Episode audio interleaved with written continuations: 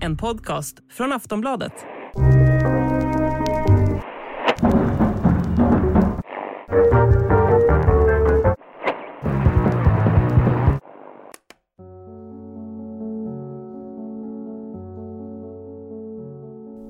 Vem blir vi förälskade i?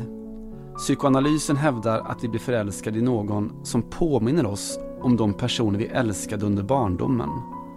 Mannen förälskar sig i en kvinna som psykiskt eller fysiskt liknar modern och kvinnan i någon som liknar fadern.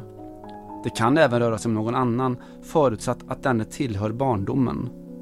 Psykoanalysens paradigm kräver att allt viktigt som sker under vuxenlivet återupprepar någonting som hänt under barndomen.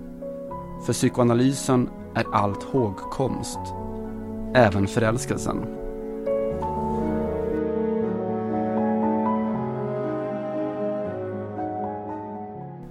Ti amo, Johanna Frändén. Åh, oh, vad vackert. Mm, jag älskar dig. Anki, Ankio. Heter boken alltså, som jag läste ur. Tänkte lägga in på, på en pl platon, platonskt sätt. Just det. Eh, mm. Francesco Alberoni heter han, italiensk eh, höjdarsociolog. Mest känd nog för den här boken som heter Jag älskar dig på svenska. Mm. Eh, där han då reder ut det här med kärlek och du fattar att jag går lite med, med Valentinhoven här. Eh, alla mm. hjärtans dag har ju firats. Mm. Eh, och ja, eftersom Alberoni är Alberoni och Alberoni är italienare så har han ju också i andra sammanhang då naturligtvis accepterat fotboll som en perfekt analogi för livet. Så jag tänkte att vi kan använda honom i vår podcast Radikal. Eh, lite för att förklara det här med varför man väljer lagen man älskar. Jaha. Mm, han kanske har något där, tänker jag. Mm. Då i så fall blir det ju min fråga direkt varför vissa då ärver ett lag av pappa, är det ju ofta, och mm. varför vissa nästan tvångsmässigt tar liksom ja, ett motståndarlag eller en, en jätterival till pappas lag. Men då är vi ju inne på den, den oidipala fasen kanske. Jag kanske förekommer saker och ting här. Ja, det kan mycket väl vara så. Jag tänker också att det handlar lite om hur hel, hel far och mor är i, i sin, sin person och sin, sitt psyke. Alltså det kan vara mm. att en far är i samklang, att fars personlighet är som fars lag. Har han misslyckats i det så, så blir det något helt annat ju. Just det. Har du liksom en, en, eh, en misshandlande far som typ håller på Tottenham så kanske du bör hålla på Arsenal istället. Det kan nog stämma. Mm. Då kanske vi är inne på, inte psykoanalys, utan bara typ bra mm, beslutsfattande. Kan vara så. Jag vet mm. inte, det kan ju vara så att det är själva verket är mamma eller pappa man förälskar sig i. Och eh, låt mig ta mig själv som exempel då. Min, jag växte upp med en mamma som var var, är konstnär som var liksom mm. bekräftande och älskade mig på alla sätt. Och, eh, men hon fick också eh, på sitt sätt att anpassa sig till en annan dominant kraft i närområdet. Alltså min pappa då. Mm. Eh, som dessutom var bättre på fotboll än vad hon var. Eh, det jag kan säga mamma är väl att det finns också i hennes person kanske något mått av brist på eller underskott på, på självförverkligande. Hon hade kunnat bli en ännu större och bättre konstnär kanske om hon hade varit lite tuffare. Då hade mm. hon få ut mer. Eh, så jag började hålla på Tottenham. Eh, och jag kan se den. Det kanske är mamma jag älskar när jag står där på White Hart Lane eller Tottenham Hotspur Stadium. Ja, just det. Eh, jag vet inte, man börjar tänka på sånt här också när man, när man själv blir förälder. Eh, om mina döttrar då ska hitta ett lag som på något sätt påminner om mig. Och vilka skulle de börja hålla på i så fall? Eh, och alltså självbeskrivelse är, är ju ett, en problematisk genre, men jag skulle säga att jag är, jag är lite mesig. Eh, jag är samtidigt i mina yttre förhållanden fast i någon sorts borgerlig, borgerligt livshjul eh, som gör att jag upplever en relativ fattigdom, som det heter. Eh, och jag vet att jag kanske borde vara lite bättre på det jag gör, karriärsmässigt inte minst då, men jag investerar inte all den tiden som det krävs för jag prioriterar kanske annat. Eh, Okay, oj, det är jättemycket jag vill invända mot här. Alltså 15 saker säkert. Men okej, okay, ja, you fortsätt. go. Nej men... Eh, eh, Jag tycker inte du är mesig. Tack. Eh, skulle, hur skulle du vara bättre på det du gör? Och vad då relativ fattigdom? Ja, nej, nej, ja, okej.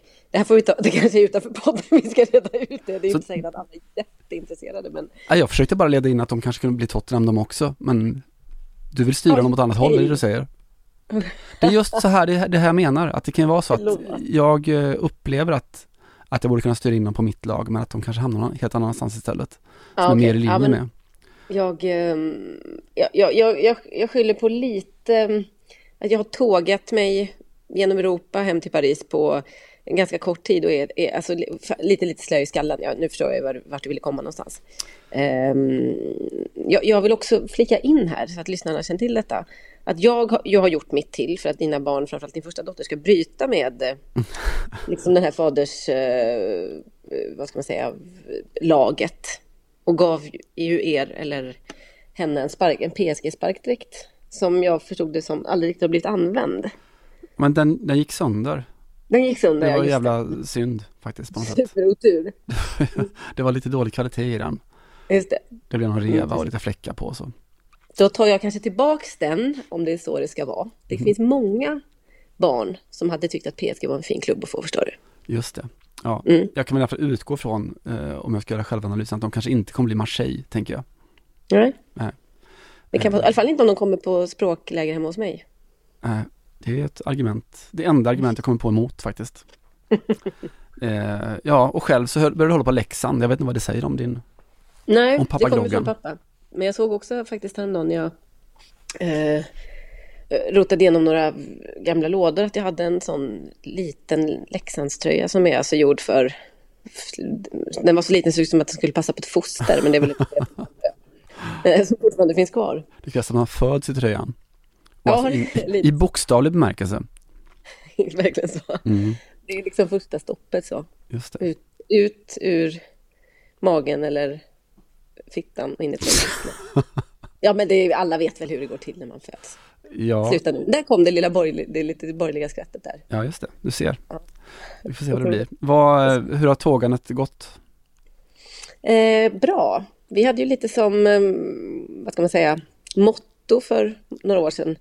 Den Rufus Wainwright, Wa- Wainwright-raden Why am I always on a plane or a fast train? Why am I always on a plane or a fast train? Men jag sitter ju förhållandevis ofta på ganska långsamma tåg. Så att eh, det, tog sin, eh, det tog sina 15 timmar att ta sig från Köpenhamn till Bryssel igår. Det går inte att åka hela vägen till Paris om man vill komma fram samma, samma dygn liksom. Ja, just det. Så fick jag sova över hos en kompis och eh, nu har jag kommit tillbaka till Paris inför kvällens stora match. Det här, ni kan resultatet redan när ni lyssnar på podden mellan PSG och Real Madrid. Men jag måste säga att jag är lite... Ja, det, det händer fortfarande någonting med mig när, när vår CL drar igång, eller vad vi ska kalla det, utslags... Det är liksom ett vårtecken. Jag tycker Ja. verkligen det. Håller Man har med. inte hört hymnen på länge och sådär. Och så helt plötsligt hör man den och det ligger en helt annan förväntan i, i luften. Både på triumfer såklart, men också att ja, allt det här andra, det går åt rätt håll. Det, det blir ljusare. Knopparna hade slagit ut här på ett träd vid huset precis när jag kom hem och så. Lite så här pa- Pavlovskt eh, nästan att höra, att höra Champions League-hymnen just på vårkanten. Just det. Först knopparna och sen PSG. Det är så det brukar slås ut i den turen ungefär. ja, exakt. Precis. Karim ska hem. Det är ju kul. Eller hem, men till Frankrike i alla fall. Mm. Ja, precis. Jag såg att det var någon eh, som kallade det här eh, Derby de Mbappé. Fyndigt. Undrar om det var Fotbollskanalen till och med. Det var ju... ehm, det är mycket som... Det kommer mycket fokus såklart på Kylian ikväll. Och han sa ju häromdagen att den här typen av match kan ju ändra framtidsplanerna och det var det ena med det andra. Tyckte jag lät lite övermaga, men ändå. Ja, eh, laddat i alla fall, hur som helst. Laddat är det. Ja. Eh, Vad gjorde du på alla hjärtans dag? Jag åkte ju tåg i 15 timmar. Ja, jag var väl lite i synk med dig för att säga. Jag fick hem min, eh, min kärlek från ditt Paris med just belgisk eh, Brysselchoklad. Eh, Mhm. Så att lite synk fanns det ändå. Vad bra att du, du har liksom så att säga alltid täckning i Paris. Det är ju bra. Mm, det är ett Ja. krav jag har. Vi ser vad som händer. Eh, vad plockar du med dig mer från Europa då? Fotbollswise, om vi ska ta oss dit till slut.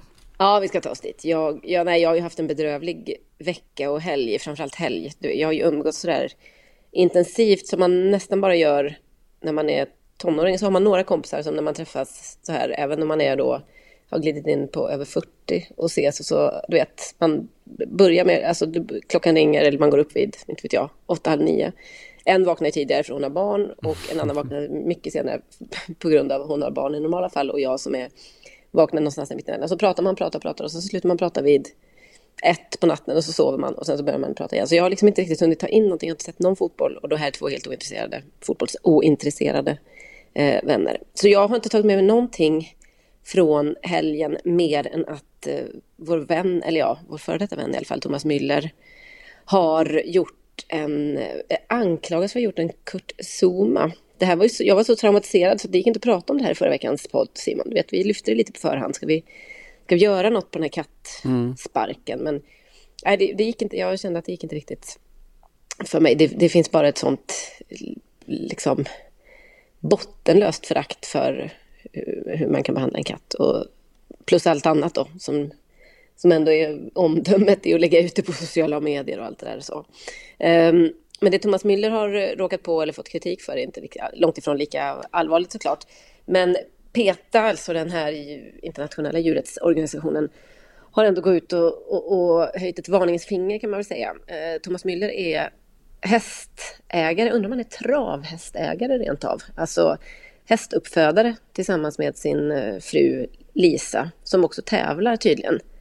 Eh, parentes för reflektion, har tyskar de coolaste wagsen? Ja, det är väl fullt möjligt. Eh, mm.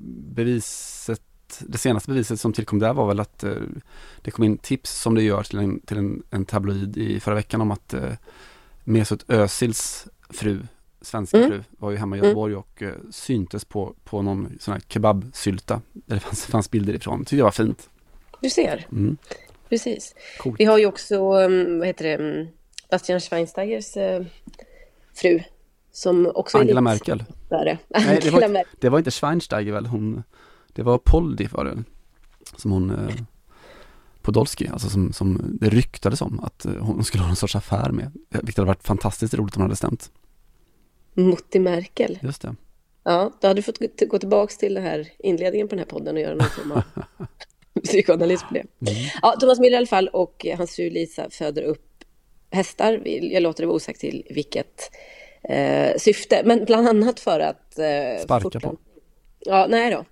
Inte riktigt, men, men eh, de säljer alltså hästsperma. Reiten selbst fasziniert mich eben äh, die Harmonie herzustellen zwischen zwei Lebewesen. Eh, kommer du ihåg det var en tid när var, vi hade en travsajt?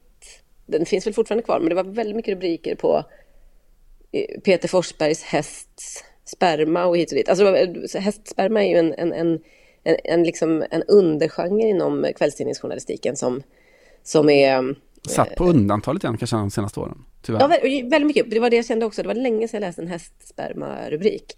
Men här har vi det i alla fall då, för att när de skulle in i vad man ändå kallar den reproduktiva årstiden så har hästen Davi, som är en av, eh, som finns med i Müllers stall då, eh, i dubbel bemärkelse, blivit trängd på något sätt och eh, trill, alltså halkat och trillat och skadat sig så att den är inte riktigt i, i form. Och, och Thomas Müller säger själv att ja, det blev en liten olyckshändelse och där vi behöver vila lite grann och, och, och ja, hämta sig på något sätt. Och Peta har gått in och sagt att det här är ett det här är, var det, sexuellt våld mot en häst.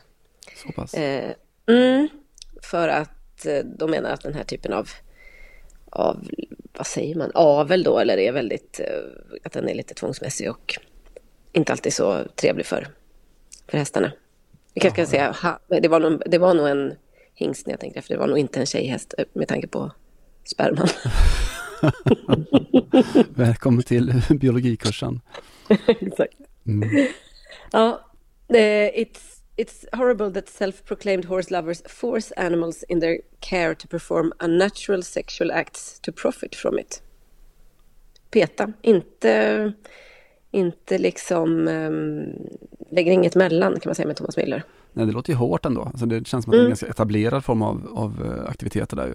Alltså Ja. inte bara hästsperma per se utan att, att man eh, tvingar eller eh, ja, Ja. utvinner den på något vis. Just det. Ja, om du ändå skulle vilja lägga um, rabarber Gå till avel. så är det 200 euro för, eh, för en ja, a shot av Mm. Müllers hästsperma. Ja, hans häst då. Ja, ja, ja, nej, jag vet inte. Kanske inte värt Ja. det. Det kan ju bli min samling sådär, så jag tänker om Erik Niva nu är, har claimat hela fotbollströjegrejen Ja. så skulle det kunna vara min, min Ja. lilla grej. Sergio Ramos eh, känns väl som att det kanske är den hela graalen i det sammanhanget. ja, just det. Seviljanska andalusiska fullblod, det, det kommer inte vara gratis, men shot därifrån, Nej. Det har du helt rätt i. tänker Ja, jag. det är bra. Säkert Det är bra massa bitcoins för en sån. Exakt så. Ja, det var lite, jag blev lite beklämd av detta ändå.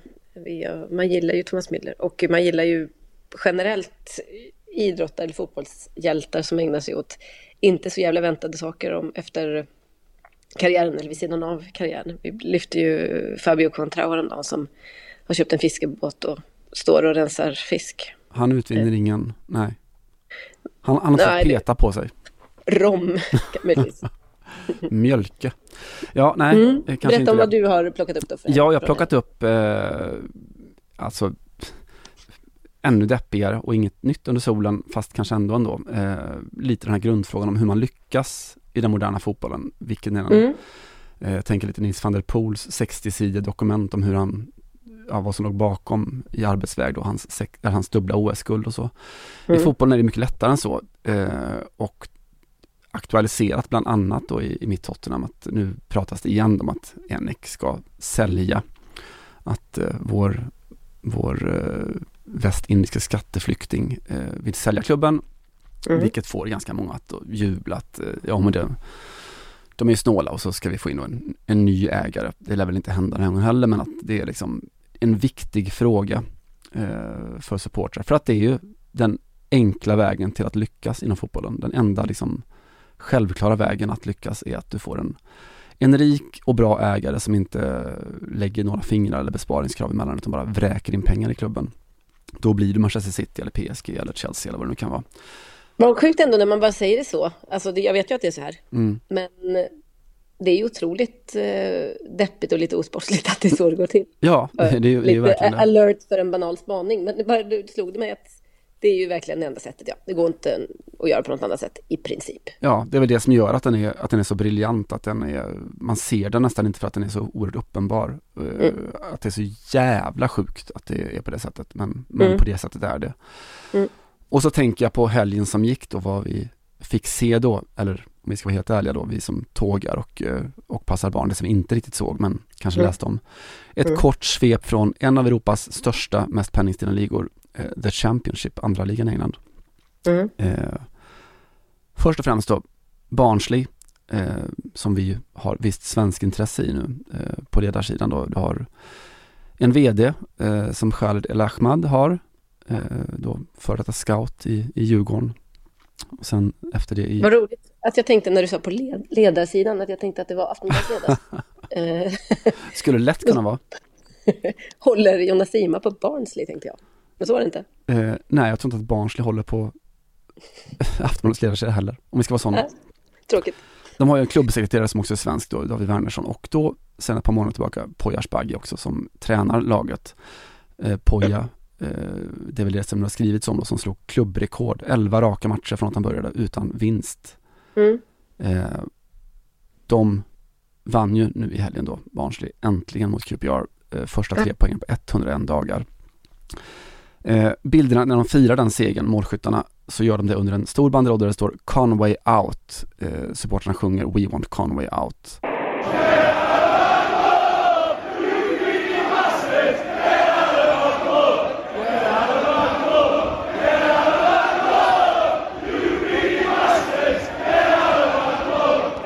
Eh, ingen enskild företeelse. De har protesterat mot ägarna då i länge, både ägarna och ledningen, eh, som missköter klubben som man upplever då. Eh, och de var inte ensamma om det här då. Birmingham med kinesiska ägare. Eh, stora, stora protester före de då spelade i, i fredags här. Eh, supportrar med sådana vita ansiktsmasker, inte covidmasker utan för att som täckte hela ansiktet då. Det var deras sätt att visa att vi har en ansiktslös ägare i den här klubben som inte Ja. är delaktig överhuvudtaget. Reading, också med kinesiska ägare, eh, som då klagat i år, eh, protesterat för att det, det kommer ingen kommunikation från klubben, allting blir sämre eh, och det är uselt. Så tre stycken klubbar där det var stora supportprotester under helgen mot, riktat mot ägarna och led, ledningen.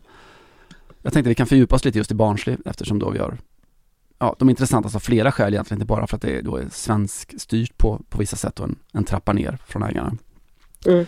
Eh, för att det är en fascinerande historia också. De var ju uppe och kvalade till Premier League då förra våren. Eh, riktig sån succéhistoria. Tre matcher från att gå upp i Premier League. Eh, torskade mot Swansea, vill jag säga. Jag ska inte fact-checka den nu, för jag har inte gjort det förut. Eh, de var en sån där, ja, alltså liten klubb, eh, klassisk klubb uppe från Yorkshire, Northern Soul, gruvsamhälle, en kvarts miljon invånare. Som då har fått in en, en ägare som eh, ja, Billy Bean var involverad då, den här Moneyball, Guren, Köper unga spelare, spelar offensiv fotboll, gegenpressing, fart och fläkt och dessutom gick det väldigt bra då. Och sen dess då så har allting bara helt plötsligt blivit skit. Eh, och då accentuerat av att supportrarna är oerhört trötta på, på ägarna och bristen på dialog. Man ska säga att El Amado, den svenska eh, vdn, har, har ställt upp på någon sån här eh, dialog med supporten, någon sån qa grej Men, men mycket kritik. Och deras ägarkonstellation är då speciellt spännande för att den är också ett tecken på en annan form av ägande inom då den här moderna fotbollen. Eh, Barnsley ägs då av det som heter eh, Pacific Media Group, styrt av just den här Paul Conway som vi pratade om. Och eh, en kines-amerikansk eh, hotellmagnat eller finansman som heter Qian Li. Eh, Li säger mycket bra saker. Han pratar om långsiktighet, om tillväxt eh, och har då ägt klubben i är det, fyra, fyra år nu. Eh, och när han köper klubbar så säger han att han börjar alltid med att titta, titta på akademin. Eh, om den är välskött så finns det tillväxtpotential. Eh, han säger så här eh, you can't be successful with a football club if you don't have the support of the fans behind you. To do this, you always have to be aware of the culture in which the club and its fans operate and then adapt it as an investor. Perfekt ju, alltså precis Mm. så man ska säga. Mm. Eh, men Pacific Media Group kan man väl säga, de representerar lite den här tredje vågen av ägande i den moderna fotbollen. Eh, vi vet ju helt då, det började med oligarkerna som kom in, Chelsea först och så massor efter det. Eh, därefter så kom det statliga ägandet med Qatar och ja, Newcastle nu senast och störst. Mm. Såklart, det som Pacific Media Group är ju då den här andra sortens ägande med miljardärer som skaffar sig en hel portfölj av klubbar för att kunna dra nytta av synergieffekterna som det ger att ha flera klubbar på, i olika länder. Till exempel såklart. Sprida ut riskerna som man brukar kalla det i, i aktiesammanhang. Absolut så. Eh, Och liksom kunna dra lärdomar av varandra och skicka spelare mellan klubbarna och, och sådär. Mm. Vi har ju Red Bull såklart då, en sån tydlig liksom struktur och hierarki från, från minifoppas Leipzig och ner via Salzburg och hela vägen till eh, de här Bragantino i, i Brasilien. Eh, City Group förstås med Man City som kronan och sen massor med klubbar i är Melbourne och det är Sydamerika och det är Indien och det är Japan och, och Girona eh, där då en stor del av klubben också ägs av Pep Guardiolas brorsa. Eh, Mm. Vilket ju bara det helt otroligt. Pera, eller? Mm, Pere, Pere. Tror jag. Mm. Precis, de brukar säga Pera. Han är ju, han är ju agent från början. Eh, Till Andres Iniesta, inte minst. ja, du ser. Allting, Mm. allting är skit med den moderna fotbollen. Ja, fast det smidiga kontraktsförlängningar ändå i Barcelona tänkte jag där ett tag. Mm. Ja, det, det blev ju det. Nej, men att, alltså, samma sak där, att det är så, det är så bisarrt så att ingen orkar opponera sig ens. Eh, de, de här PMG, Pacific Media Group, eh, har gått lite mer under radarn för de köper mindre klubbar. De köpte Nice först, eh, ungefär samtidigt som vi var där och bevakade fotbolls-EM. Ja, Eh, och när Zlatan slutade landslaget. Eh, och där gick det ganska bra. De byggde upp akademin och träningsanläggningen och gjorde bra resultat och det var Vieira in och Lucien Favre som var toppen, toppentränare för, för Le Gym. Eh, så att när de väl sålde Le Gym så gjorde de det med en både stor vinst och eh, enorma belopp. Liksom. Det blev den dyraste klubben i fransk fotbollshistoria. Dyraste försäljningen av en, av en klubb. Till och med dyrare än PSG när Qatar klev in. Mm. Och sen dess då så har PMG köpt ytterligare sex klubbar. De senast nu Den Bosch som ligger då 14 i holländska andra ligan. De Mm. har köpt eh, Nancy som ligger dundersist i Ligue 2. Har vunnit 3 av 24 matcher. ja. Eh, Barnsley då, tre vinster på 30 matcher. FC Thun, förlåt Malmö FF, femma i schweiziska andra ligan. Åstende som ligger 14 i belgiska ligan och Esbjerg då som nu ligger åtta i Danmark. Sjukt. Av de där så känns det som att jag åkte tåg igenom 80 procent av de städerna du räknade upp precis igår. Du skulle kunna ta över någon av dem. ja, precis. Jag hade lite för dåligt med, med så anknytningstid eh, då för att stanna och lägga ett bud, men eh, Om du fick välja Ja. en, Åstende hade jag Åstende. Jag Ja, tror hade jag du hade trivts så jävla bra i Åstende. tror jag också. Mm. Ja. Eh, Xian Li då eh, har gett, förlitat sig väldigt tungt på en, en ung fransman som heter Gauthier Ganay. Eh, ung fransk jurist som då fick sin fotbollsskolning i gamla fina Lens eh, under Gervais Martel då, sån här legendarisk eh, klubbägare. Eh, klev in där, jag tror han var bara typ 23-24 år och gjorde någon sorts karriär där. Eh, blev klubbsekreterare till slut. Sen blev han Mm. president i, i Nice. Eh, sen tog han över i Barnsley och nu då så har han två klubbar samtidigt. Han har både Nancy i Ligue 2 och Ditto Åstende i Belgien. Mm. Eh, och om man tittar på hur det går då med en, en vd som jobbar i två olika länder parallellt eh, som sitter på det där tåget som du eh, luffar på Ja, precis. så går det inte så jävla bra. Eh, hans gamla Barnsley, enorma supportprotester. Eh, Nancy, ja, där var det också protester då förra veckan. Eh, I Arsène Wengers gamla Nancy. Eh, supporterrevolution tror man kan säga. 600 supportrar som i förra veckan då marscherade från hamnen upp till Marcel Picot, arenan. I en sån här samlad protest mot både eh, ledningen och ägarna.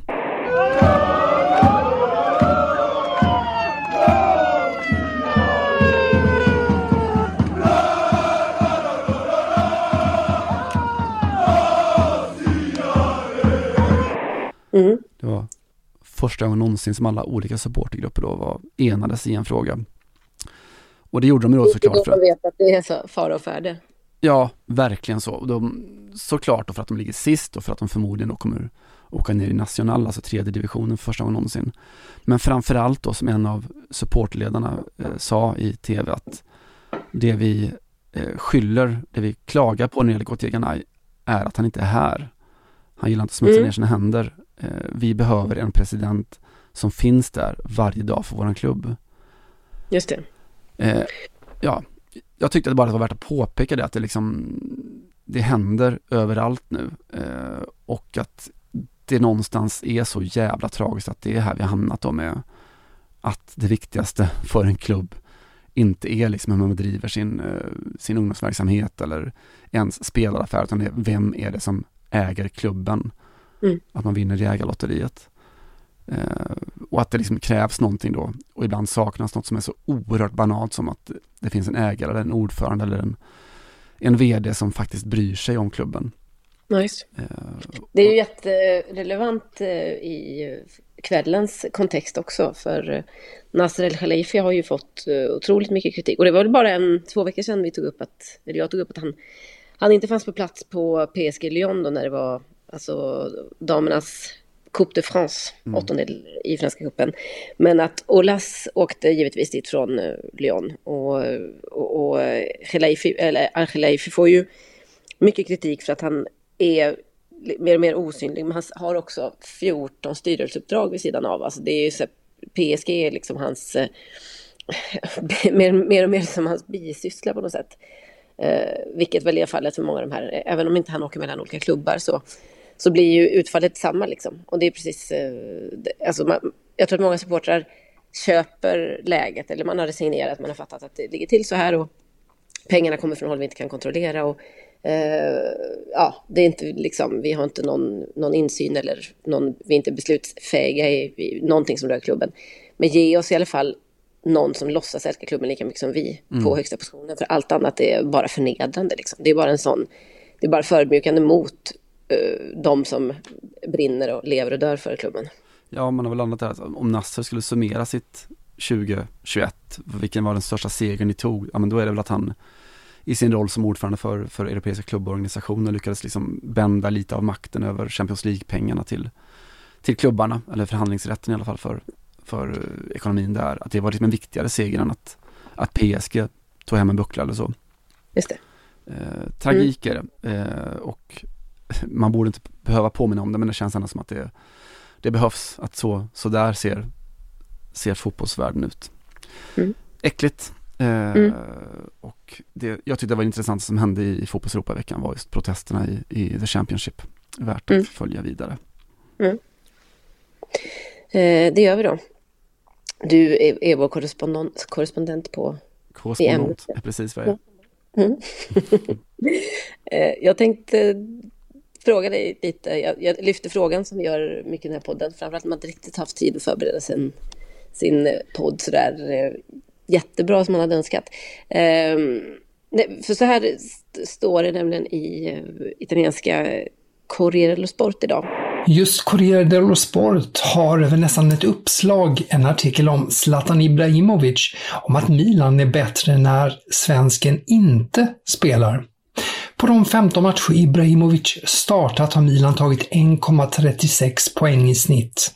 På de 14 matcher han inte startat, alltså varit skadad eller hoppat in, så har Milan tagit 2,86 poäng. Det är ju en markant skillnad och det brukar ju ha, vara tvärtom påminner Corriere dello Sport om. Och tidningen menar att siffrorna också visar hur Milans lag har mognat. Och det där var vår vän och kollega Fredrik Pavlidis i sin utmärkta sammanfattning Headlines på Fotbollskanalen. Som eh, går igenom lite vad europeisk, eh, mestadels då press, skriver om olika eh, ja, en del svenskar i Europa och annat. Zlatan Ibrahimovic alltså, eller Milan utan Zlatan, bättre än med Zlatan. Den här rubriken har man ju, den har ju funnits tidigare. Jag vet att med Zlatan, något av avbrotten med landslaget för, och då nu pratar vi ju alltså 15 år sedan, så var det lite samma sak då. Det fanns ju statistik på att, framförallt under Lagerbäcks tid va, Mm. Att eh, landslaget gjorde bättre ifrån sig och så vidare. Eh, och den återkom ju förstås den diskussionen också när han slutade för vad vi trodde var för gott. Eh, och eh, det här landslaget tog sig till Ryssland då. Det ena med det andra. Men den här gången så känns det lite känsligare på något sätt för att det här är ju väldigt mycket en, en indikation på att eh, Zlatan är slut eller ja, ni vet ju allt med, med alla de här skadorna som drabbar honom nu och åldern och det ena med det andra. Och jag, jag, tänkte lite på, på detta i veckan när Charlotte Kalla blev bänkad så att säga från damstafetten i OS. Um, ehm, vi hade ju du och jag och vår vän och kollega Kristoffer Bergström en diskussion om detta där vi var lite blödiga fick jag en känsla av. Simon tyckte att det är klart mm. Kalla ska med till OS. Och han tyckte det ska hon absolut inte. Uh, så kan man inte resonera. Och att uh, min utan att följa längdskidåkningen på så nära håll, kände att min, min, det, gör man den typen av upphämtning som hon gjorde i, i damstafetten i Sochi-OS, så är man liksom vaccinerad för all framtid. En sån, alltså en sån åkare måste man ta ut också. Bokstavligt talat. 45, exakt, precis. Eh, Kalle och Zlatan lite i samma läge nu, liksom. karriären börjar väl eh, peka mot sitt slut ändå. Och eh, hur hanterar man det här och hur hanterar man det som, som fotbolls eller längdskidåkningsälskare och hur, hur hanterar man det som media och så vidare.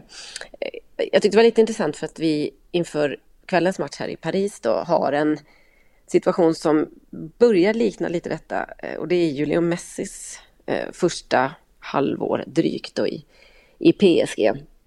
Där det tas väldigt mycket med silkeshandskar i statistiken och, och, och det faktum att det var all, fram till alldeles nyligen så hade faktiskt Messi bara gjort ett enda mål i Ligue 1 som är en liga som inte kvalar bland de tre bästa, knappt de fem, ja möjligtvis fem bästa är det väl i, i Europa. Han har legat men... bakom väldigt många skott, så är någon sån här statistisk uppgift, det är ja, Payet etta, sen han tvåa, de har verkligen så här letat efter, alltså halmstråletandet når nya nivåer. Ja, det var väl mycket det, exakt. Likip gjorde en, en sån jättegenomgång på hur, eh, hur det såg ut, precis hur, hur Messi har rört sig, hur mycket har han befunnit sig i eh, centralt på planen, hur mycket i sista tredjedelen, hur många eh, skott har han fått iväg, precis hur många avslut. Eh, men allt det här hade, alltså allt, det fanns nästan ingenting som var eh, som var liksom förlåtande för Messis skull. Det var expected goals hade sjunkit och han, har, han försöker mer men lyckas mindre och sådär. Ration var liksom mycket sämre också nu då på, i, när det kom till avslut eller skott på mål. Och, ehm, och, och, och, på något sätt så är det som att man kanske i nästan vilket annat sammanhang som helst hade börjat trumpeta och detta redan i november om att det här är en fiaskovärvning när jag gjort PSG. Det är ju en, eh, ett, eh, alltså den man kan ge Leo Messi efter höstsäsongen i PSG är ju liksom ett totalt underkännande. Det går, mm. det, det går, han låg, jag tror när jag sammanställde så låg han på 113 plats då på, i skytteligan i Frankrike. Då hade han gjort ett mål, sen kom det till här häromdagen. Men att det, det är liksom, visst det kan ta lite tid att komma in i en klubb och, det, och ett lag och, och sådär. Eh, och samtidigt så förstår jag varifrån det här kommer. Jag förstår ju verkligen det. Alltså, det, är, det känns hårt att gå ut och såga Leo Messi. Det känns som att han har vaccinerat sig mot det. Eh, kanske ännu mer än Charlotte Kalla för att det är en sån, ja, det är liksom 15 år på en sån brutalt hög nivå. Eh, och just det här att svenska tidningar nog, ingen vill vara först med att, att ropa ut det här, för det känns nästan som att dra på sig ett ett stigma på något sätt. Eller mm. det, det, känslan är väldigt mycket att man vill att det ska gå bra för Leo Messi, PSG eller ej. För att det, det vore så tråkigt för Ligue 1 att få det här underkännande på något sätt. Eller nästan att vi kunde inte erbjuda Messi det som han var bra på. För så är mycket jargongen, eller vad man ska säga, att det är på något sätt att mm. eh, är, är försvararna lite för hårda och domaren håller inte kvalitet och så vidare. Och så vidare. Um, det, finns, ja, det finns ju jättemånga exempel på detta hur tidigare stora fotbollshjältar fasas ut och när, när kommer liksom den första artikeln som slår fast att, eller det första tycket, krönikan som slår fast att nu är det, nu är det över, det här är inte bra nog. Bänk, bänka Messi till exempel, mm. när kommer den? Um, frågan jag vill lyfta är egentligen lite hur man gör det här på ett bra sätt. För att det, det är ju som att väldigt många gånger när de här riktiga legendarerna kommer till slutet så blir det lite smutsigt och lite tråkigt ändå. Det är som att de inte får det där avslutet som man kunde unna dem. Eh, samtidigt känner jag att Leo Messi-fallet så blir det nästan tvärtom. Det liksom en, finns en underdånighet som jag tror att inte ens han gillar Nej. just nu kring honom. Jättebra notering sådär. Alltså, alltid när man pratar om de här sakerna, alltså de stora sakerna som, som är på väg att rinna ut när timglaset går allt snabbare och sådär. Så jag tänker på Stig Larssons självbiografi, eller titeln till den, eh, den här, När det känns att det håller på att ta slut. Mm. Jag tycker om det, liksom, det, det språkliga, det klum, klumpigt språkliga, språkligt klumpiga i, i den. För att det är lite så, det är så det kan vara mot, mot slutet. När det Nej. känns att det håller på att ta slut. Ja. Eh, och någonstans är väl allt det där kopplat till vår besatthet som, som människor i mänsklighetens historia av, av berättelsen, att allting måste vara en berättelse. Du måste få ett, ett bra slut. Det är därför som vi alltid pratar om den här besattheten, att sluta på topp och man vill inte se eh, Zlatan eller Messi vara en skugga av sig själva. Nej. Och vi har väl ändå kommit in liksom i till och med det post-postmoderna tillståndet där vi har gett upp tanken på, på berättelsen. Och jag tycker att någonstans att det kan väl också få vara så att varför måste alla sluta på topp? Varför kan man inte bara, kan det inte vara sluta på topp att älska sin fotboll och spela division 3 och vara sämst på plan, men jag gör jo. det här för, för, min egen skull. Problemet, det som du väl är inne på då, att mm. det måste ändå finnas en sanning i det. Det måste kunna man måste kunna kalla spaden en spade och Ja, en blek Messi för en blek Messi och en skadad Zlatan för en skadad Zlatan. precis. Eh, I fallet Zlatan så är det dessutom så att, gud vad vi själva är skyldiga till att, men rä- räkna aldrig bort Zlatan.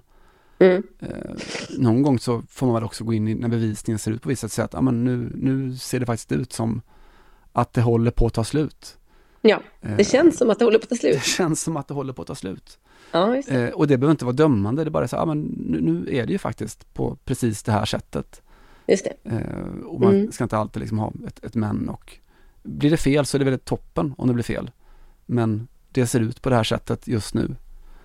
Eh. Precis, och samtidigt så känns det ju, jag, först, jag har ju också den här instinkten att den som kanske inte är så journalistisk men som är lite att man, att man, att man har i egenskap av eh, sju Ballon d'Or då eller eh, i egenskap av eh, ja, hundra säsonger runt om i Europa varav man fortfarande är på topp i, i Serie A då som Zlatan har samlat ihop till att inte få, att inte bli sågad på slutet på något sätt.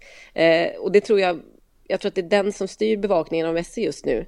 Eh, det är som att den första som säger att Messi har ju faktiskt blivit dålig, det är ju barnet som säger att mm. kejsaren är naken på något sätt. Sen så, och det skulle kunna släppa lite på fördämningarna men, men det känns otroligt olycksbådande och det är nästan som att liksom ett, ett men som, som, eller det är som ett jättetabu som alla låtsas om och, och trippa runt eh, på något sätt. Och nu har det gått lite ja. bättre i Champions League ska vi säga. Precis, det men kan- är inte, är inte feltänket det där att det är inte kejsaren som är naken, det är emiren i så fall som är, som är naken. Det är ju det är PSG i det här fallet kanske, Mm, eller, mm. eller eh, Qatar som, som inte har lyckats då. Eh, I alla fall min känsla att klart, klart att Messi fortfarande kan vara en, en fantastisk spelare, en av kanske världens fem bästa eller tio bästa spelare och det är, kan, kanske kan vara gott nog. Mm. Men liksom så där, ja, min känsla eh, är ju att vad är, vad är spelarens uppgift? Ja, men, glädjen till i sporten att eh, göra så, så bra man bara någonsin kan, att bete sig på ett Mm. värdigt sätt. Att fortsätta vara romantisk på det sättet. Och vad är, eh, vad är journalistikens uppgift? Sanningen. Ja. Eh, allt är på det. Och så får man väl ge fan i, alltså livet är ju väldigt, väldigt sällan en berättelse. Även om vi vill, vill hugga in den i det. Det var ju problemet tyckte jag när, när med Francesco Tottis sista säsonger i, i Roma. Mm. Det där med att, alltså Roma, en klubb som berömmer sig för att eh, ingenting någonsin kan vara större än klubben. Eh, och sen står man där med Tottis berättelse och vet inte riktigt hur man ska hantera den. Eh, Just det. Och då blir det en, en misshandel av både Roma eh, och laget och tränaren och lagkamraterna och av Mm. Francesco Totti. För att Mm. alla var livrädda för sanningen. Precis så. Nej, det är exakt det här som är, som är problemet. För det, jag tänkte, vi pratade lite om uh, Andres Iniesta innan, som var verkligen en sån som gjorde det här. Eh, som lämnade Barcelona på topp någonstans. Han, ja, han, det hade väl liksom gått lite utför, men, men eh, det var fortfarande en spelare som gjorde fantastiska insatser. Och sen så har det här Japan-äventyret bara förlängts med en säsong hela tiden för att han har hållit. Men det, det är ju det är nästan en bättre modell. Det Messi gjorde var ju att han Alltså att han gjorde den här flytten som alla hade liksom fantiserat om i så många år. Hur skulle det gå? Eh, lite sent då, möjligen. Jag tror, jag tror att en 28-årig Messi hade löst det mycket bättre. Eh, och ehm, att han var så stor och att det var så mycket prestige och så mycket pengar för all del inblandat i, i det hela. Så att det, det, alla sitter helt låsta nu och vet inte vad de ska, vad ska vi kalla det här? Ehm, finns det tendenser till att det går bättre? För nu har det varit väldigt mycket så på slutet. Ja, men här visade han tendenser och här, nu, Messi är på gång och liksom takta upp och så. Men det, det, känns, ja, nej, det känns lite sorgligt och det känns som att vi alla går runt och upprätthåller ett, någon form av eh, lögn just nu som börjar bli lite problematisk. Eh, återigen, eh, inte en briljant idé att spela in det här avsnittet eh, så åtta timmar innan Innan hans hattrick mot ja, innan hans hattrick, precis. Lionel Messi mot Thibaut Courtois. Messi 26 karriärmål mot Real Madrid. Fem mål i Champions League-spelet. Nu i åttondelsfinalens andra halvlek. Med halvtimmen kvar har han möjligheten att ge sitt, för det är ju så du menar, Paris Saint-Germain ledningen mot Real Madrid. Tungviktsmöte har straffspark. Och Courtois nyper den nästan. Han räddar den och Real-spelarna kastar sig upp i famnen på belgaren. Och Messi slår en straffspark som Courtois smidigt nere vid sin vänstra stolpe hinner ta hand om. Eh, men det, men det är ju, ja men det finns ju många också genom historien, vi vet, alla, de flesta känner till hur, hur det slutade för Maradona i Neapel till exempel, eller hur hatad han faktiskt var i Italien mm. i, i många år efter eh, karriären där. Men hur det hade försvunnit lagom till att han gick och dog här häromåret hastigt lustigt, eller ja, olustigt i alla fall var det väl, men hastigt i alla fall. Eh, så att det behöver ju inte vara så att man skriver liksom de sista orden nu. Men det är ändå en, en journalistisk princip som är lite svår att upprätthålla just när man känner sig delaktig i den här sorgen på något sätt över att det, det blev som det blev och, och så vidare. Xavi faktiskt Hernandez är ett ganska bra exempel. Det var, då, där hade vi också en spelare som inte riktigt själv vill acceptera att han inte var liksom per automatik längre den, den, den absolut bästa lösningen i, på, på Barcelonas mittfält de sista, de sista två säsongerna egentligen i, i klubben och att man förstod att det gnisslades en del där. Och, eh, ja, och, och, det är ju kanske ännu värre, spelarna som inte riktigt inser det själva. Jag, jag, tror att, att Messi är väldigt medveten om, och Zlatan också, väldigt medveten om hur det ser ut just nu och så. Eh, och det är ju lite mer sympatiskt kanske än att inte fatta det, men oavsett vilket så får, man får lite ont i magen av hela, hela grejen och hela kalla uttagningen också för den delen. Mm. Vi får kanske ge uh, Krocko rätt förresten. Så här insight. Ja, nej men det, jag vet inte. Det kan, kan ju vara så att Messi, det han behöver för att uh, komma upp på, på spåret igen, kanske är att Cristiano Ronaldo börjar göra mål igen. Kan vara så. Ja, ja just det. Uh, nej men jag, jag håller med. Man, rätt eller fel, man får väl äta upp om man har fel, men här och nu, vad är sanningen här och nu? Jo, sanningen här och just nu är ju att det känns som att det håller på att ta slut. Mm. Du, eh, mm. något som tog slut och eh, aldrig tar slut är ju vår fascination för Pier Paolo Pasolini. Eh, mm. Aktuell igen nu i veckan då för att i, på torsdag den här veckan så går det upp en premiär för en teaterpjäs nere i just Neapel då, Maradonas Neapel. Neapel. Eh, en fotbollspjäs om Pasolini. Mm. Eh, med anledning då att det är den 5 mars så är det 100 år sedan han föddes. Oj! Mm. Jag tänkte han var i din ålder någonting. Ja. Jag vet att han är död alltså. han dog väl ungefär samtidigt som jag föddes kanske. Ja. Eh, mördades eh, för att han gillade killar. Eh, han var ju såklart också på grund av italienare och så vidare eh, fotbollsfanatisk. Har pratat om det förut och hans barndom i, hemma i Bologna på, på planerna och gatorna och hur det spelades fotboll. Han var en, en sann sån där fotbollsromantiker eh, och eh, stor supporter till sitt, det röda Bologna. Och en ganska habil spelare. En ganska habil spelare som också skrev om fotboll. Jag tror kanske till och med i, om inte i Corriere dello Sport, i Corriere del Sera skrev han ibland om fotboll. Om fotbollens mm. teckensystem och, och allt sånt där. Han sa så här, eh, vilket är min ingång, att eh, skyttekungen i Serie A är alltid årets främsta poet. Mm. Eh, och jag tänkte då med anledning av att eh, han fyller 100 här om ett par veckor så kan vi testa om det stämmer. Om fotbollsromantiken Pasolinis tes håller då 50 år snart efter att han mördades. Mm. Det jag har gjort är att jag har plockat ut skytteligaledarna i de fem stora ligorna i Europa och eh, plockat ett citat av dem eh, och kört ner dem i min poesisimulator. Så får du bedöma den poetiska halten i det. Ja, vad roligt. Mm, du som ändå är mm. en recensent på Aftonbladet Kultur. Ja, visst. I Premier League toppas ju skytteligan av Mo Salah, såklart. Eh, han sa så här i en intervju med GQ alldeles nyligen. That's been my game since I was young. I get the ball, I am coming to you, I am coming to you. Poetisk halt. Ja, ja hög tycker jag. Alltså, det var ju, den var ju ingenting fram till, till upprepningen. Mm. Men där fick den ju någon form av uh, litterär tyngd ändå. Lite, lite, litterär tyngd tycker jag räcker ganska långt. Ja, nej men det, alltså det är eller som en, eh, som en, vad ska man säga, som en poplåt av um, någon som befinner sig strax, strax över Noel Gallagher i, i mm. uh, textskapande. Liam Gallagher? ja, exakt. Precis. Uh, ja, men det, tyck, det tyckte jag var fint. Bra GoMo. Två plus kanske? Tre plus? Ja, jag tycker, nu har jag inte hört resten i och för sig vad du ska säga, men det är klart, om det var det absolut bästa du hittade. Eh, Alltså jag har inte, den hade- jag har den inte har letat som har- fan, har jag inte gjort. den har mer eh, liksom popmusik, eh, eller popmusikaliska kvaliteter kanske än, än så poet, pretentiöst poetiska. Men jag tycker den får en svag trea. Just det. Över till Bundesliga. Mm. Eh, Robert Lewandowski, obviously. Här kommer en dikt från Robert Lewandowski. Ja. Komjölk och sojamjölk är inte bra för mig. Mandelmjölk och rismjölk är okej.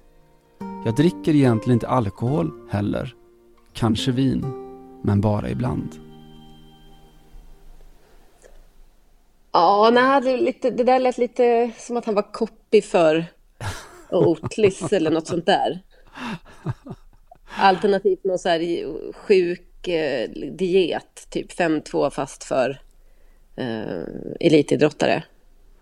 Nej, den, där- den, nej, jag tyckte det var lite, lite så, Rebecca och Fiona kanske över hela, vi- nu som man sitter i ett, något mysigt tält på en festival och pratar om eh, havremjölk. Det, jag, jag, jag följer inte för det. Inte ens rimmet med inte bra för mig och rismjölk är okej. Det funkar inte heller. Jag, har så svårt att tro att det rimmade på polska eller tyska. Eller jag har väldigt svårt att tänka mig att han sa det här på svenska. Det är väl kanske mer det. Det hade lyft, lyft dikten en, smula. Ja, Kanske. skitsamma. Eh, eh, Ja. Två plus eller ett plus? Nej, det är en etta. En etta. Tråkigt att höra. Ciro Immobile, Lazio, Serie A. Mm. Omklädningsrummets balans står överallt. Där finns tunna trådar som aldrig får brytas. Fotboll är en kollektiv sport. Genom en säsong finns många ögonblick då du behöver dina lagkamrater. En extra passning. Bollen på rätt plats vid rätt tillfälle. Den goda gruppen minns allt. Fyra dansande plus. Det är så va? Ja, det var jättebra. Alltså det där, ja, den, är, den är rätt så, vad ska man säga, genomsnittlig fram till, han börjar prata om tunna trådar. Det, är ju, det har ju en hög, eh, tycker jag, litterär kvalitet. Jag säger litterär för att jag är inte, absolut ingen poesirecensent. Men, eh, och pl- plus att eh, observationen är ju är väldigt riktig också. Ja. Och snygg på något sätt. Bra. Jag, jag hör ekon av Jean Cassou, din franske poet, som, Mhm. som sa att vi består av minnen. Eh, vilket väl är en återkoppling till, till Alberonis där om, om vår kärlek och eh, hur den, den är knuten till minnena. Den goda gruppen minns allt. Jag hörde, just det, jag, jag hörde ju givetvis ett, ett eko av eh, min eh, liksom, globala lokala granne Per Hagman. Mm. Eh, globala för att han rör sig ungefär samma länder som jag, men lokala för att han är precis som jag från Västergötland och mer precis eh, Skövdeområdet. Skitsamma, tunna band pratar ju han om, det är ju lite det nästan som Immobile är inne på här. De där eh, relationerna i livet som, som är liksom inte de närmsta men som är alldeles nödvändiga för att i hans fall överleva och må bra och i Ciro Immobiles fall för att kunna utföra sitt jobb på ett eh, tillfredsställande sätt och spela, fo- spela bra fotboll. Undrar om hans WAG i italiensk press går under titeln La Donna Immobile. Man hoppas. Det hoppas man verkligen. Ja. Eh, I La Liga toppas ju skytteligan av såklart Karim Benzema. Din grabb. Eh, Mm. Och då blir det på originalspråk. Si vous écoutez bien, la Marseillaise appelle à faire la guerre. Cela ne me plaît pas. Mm, Handlar om, om varför han inte sjunger nationalsången för landskamper. precis. Eh, ja, precis. Han tyckte att man behövde lyssna noga då för att höra att, att eh, den ändå åberopar att man ska gå ut i krig.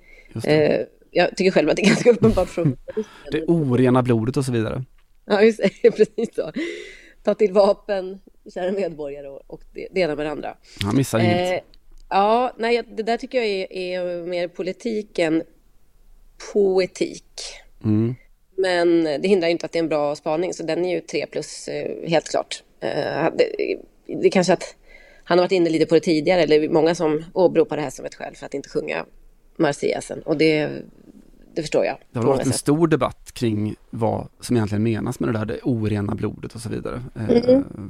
väldigt stor, stor debatt i Frankrike om det, huruvida det handlar om just om det främmande och yttre och inte minst aktualiserat med hela Semor och folkutbytet att det medan andra hävdar att det är, alltså nu ska jag inte ställa det mot varandra för att det är, det är väl ganska vederlagt att det handlar om att det är snarare en klassfråga och ett vi mot dem från franska revolutionen, inte om, om svart eller vitt eller utlänning. Nej. Inte, så. Nej, så är det ju. Men eh, man kan ju också eh, säga till, till eh, Karim Benzemas, inte försvar, men kan passa på att uppmärksamma det att Karim Benzema delar ju det ödet med väldigt, väldigt många fransmän, att han har sina rötter i Algeriet, både mamma och pappa va? Mm. Det här vet jag. Ja.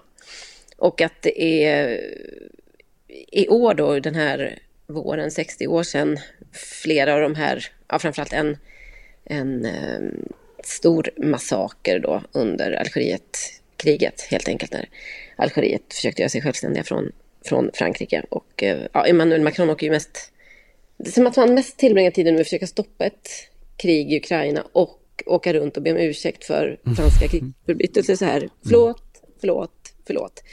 Men, och det här, är en, det här är en helt annan diskussion och lång och så vidare. Men det är ju det här som ligger bakom många av de franska spelarnas tveksamhet till att sjunga Marseillaisen. Och det är ju att man känner, precis som du säger, att även om vi tänker oss att det här handlar om franska revolutionen, så går det också att läsa in en liksom, fransk krigstradition här som har drabbat deras egna väldigt mycket. Just det. Tror Benzema Mm. har själv sagt att han är han är algerier i, i, i själ och hjärta men att eh, han som idrottsman är fransman. Eh, och får han ihop det så borde alla andra också få ihop det. Svårare Mm. än så behöver det inte vara. Nej, Han får inte alltid ihop det, Nej, han får inte ihop det. på Vad alla områden kanske. Nej, eventuellt inte. Fråga Valbuena. Eh, Mm. Jag tyckte ändå om satsmelodin. Jag hade jobbat in en liten Verlaine, eh, vår gamla favorit, chanson d'automne i den. Affaire, Jaha. la guerre, plaît pas. Mm. Hur som, i Liga 1, Mm. din liga, så är det Wissam Ben Yedder som toppar skytteligan. Så där, ja. det är inte, Leo Messi då har ändå avancerat från 113 plats till, jag vet inte jag, kanske 50 någonstans. Men ligger nu tvåa i den som ligger bakom flest skott. Mm. Eh, ben Yedder är ju assemist som man säger. Eh, älskar de franska sådana här beteckningarna. Alltså att han spelar i AS Monaco. Mm. Hans dikt låter så här. Han är ju världens tråkigaste människa, men här är hans dikt. Mhm. För mig handlar livet inte om att ha vackra saker och visa dem, utan om att göra vackra saker. Det viktigaste är det som sker inuti oss. Ja, A for Kylskåps... effort.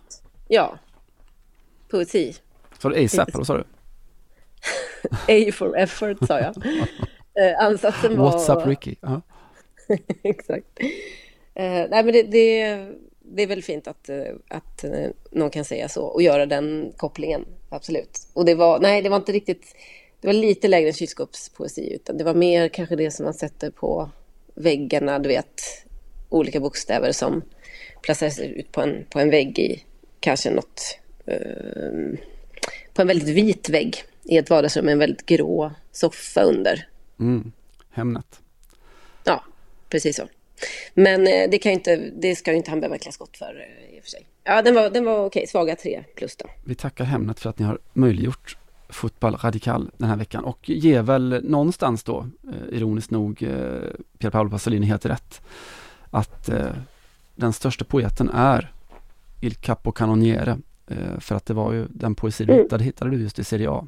Mm. Den enda som är en riktig Capo Canoniere, Ciro Immobile. Mm. Make till La Donna Immobile.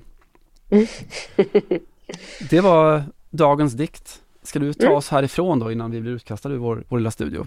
Ja, precis. Jag, jag kan ta lyssna härifrån. Om du blir utkastad på vägen så, så, får, så får det vara så, så att säga. Eh, jag, ska, jag ska inte bli utmätt för mycket. Men jag tänkte att vi ska prata lite om tjejer och Spanien. Eh, förra veckan hade jag den tråkiga nyheten, eller rapporterade om den, den tråkiga debatten kring eh, Rayo Vallecanos tränare som hade på något sätt glorifierat gruppvåldtäkt och ändå fick behålla jobbet på de sidan trots mycket protester och flera eh, i, i staben som hoppade av. Eh, jag tänker att vi hoppar till Zaragoza, CFF och eh, deras eh, ja, ba, barnlag, Alvin, de har ju väldigt mycket olika namn i, i Spanien på olika åldersgrupper. Men här pratar vi om eh, 10-11-åringar då. Och eh, där tjejerna i Zaragoza CFF, 10 och 11 år gamla, just har vunnit den mixed-liga som finns för sin åldersklass. Och det innebär alltså att lag av uh, olika kön, eller ja, av två olika kön i alla fall, får mötas. Och uh, för första gången så är det ett uh, tjejlag som har vunnit den här Alevin-ligan. Eh, och de här 10-11-åringarna från Zaragoza slog då Suera i sista matchen, eller i den, det återstår några matcher faktiskt, det återstår några omgångar. Men med en 11-1 seger där så kan man säga att man kunde knyta ihop säcken och försprånget är ointagligt.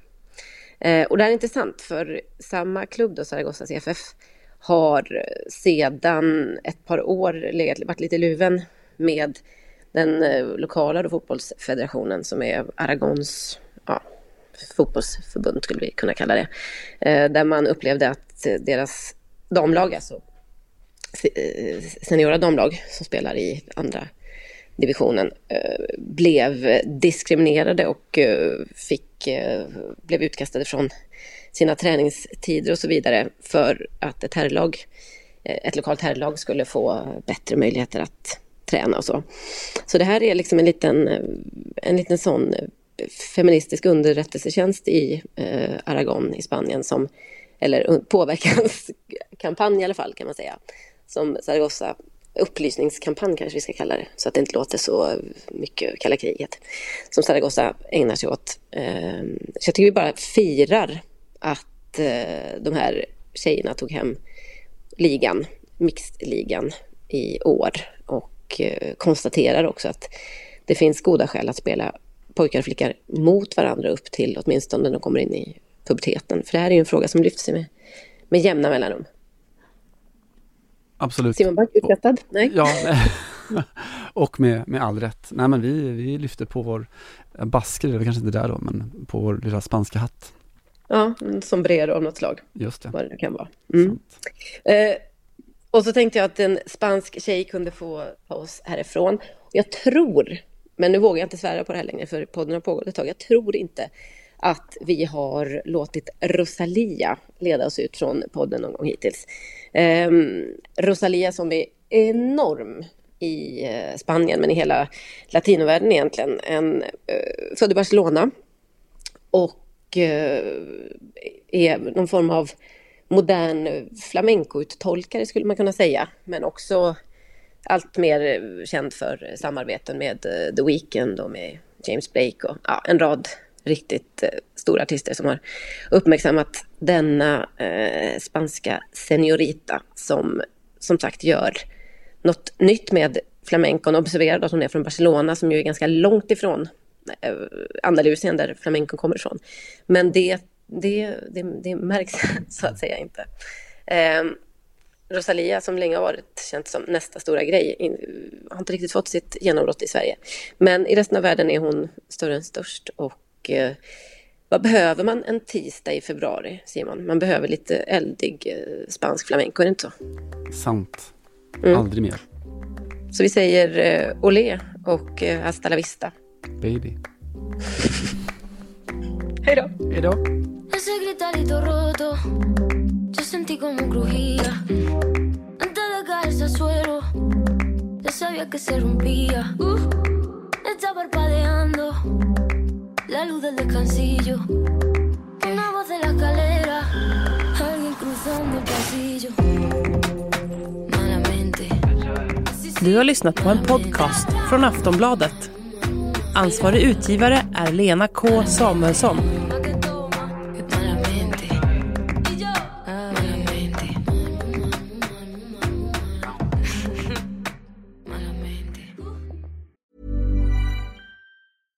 Ryan Reynolds here from Mint Mobile. With the price of just about everything going up during inflation, we thought we'd bring our prices down. So to help us, we brought in a reverse auctioneer, which is apparently a thing. Mint Mobile unlimited premium wireless. Ready to get 30, 30, bit to get 30, bit to get 20, 20, 20, bit to get 20, 20, bit to get 15, 15, 15, 15 just 15 bucks a month. So, Give it a try at mintmobile.com slash switch. $45 upfront for three months plus taxes and fees. Promo rate for new customers for limited time. Unlimited more than 40 gigabytes per month. Slows. Full terms at mintmobile.com.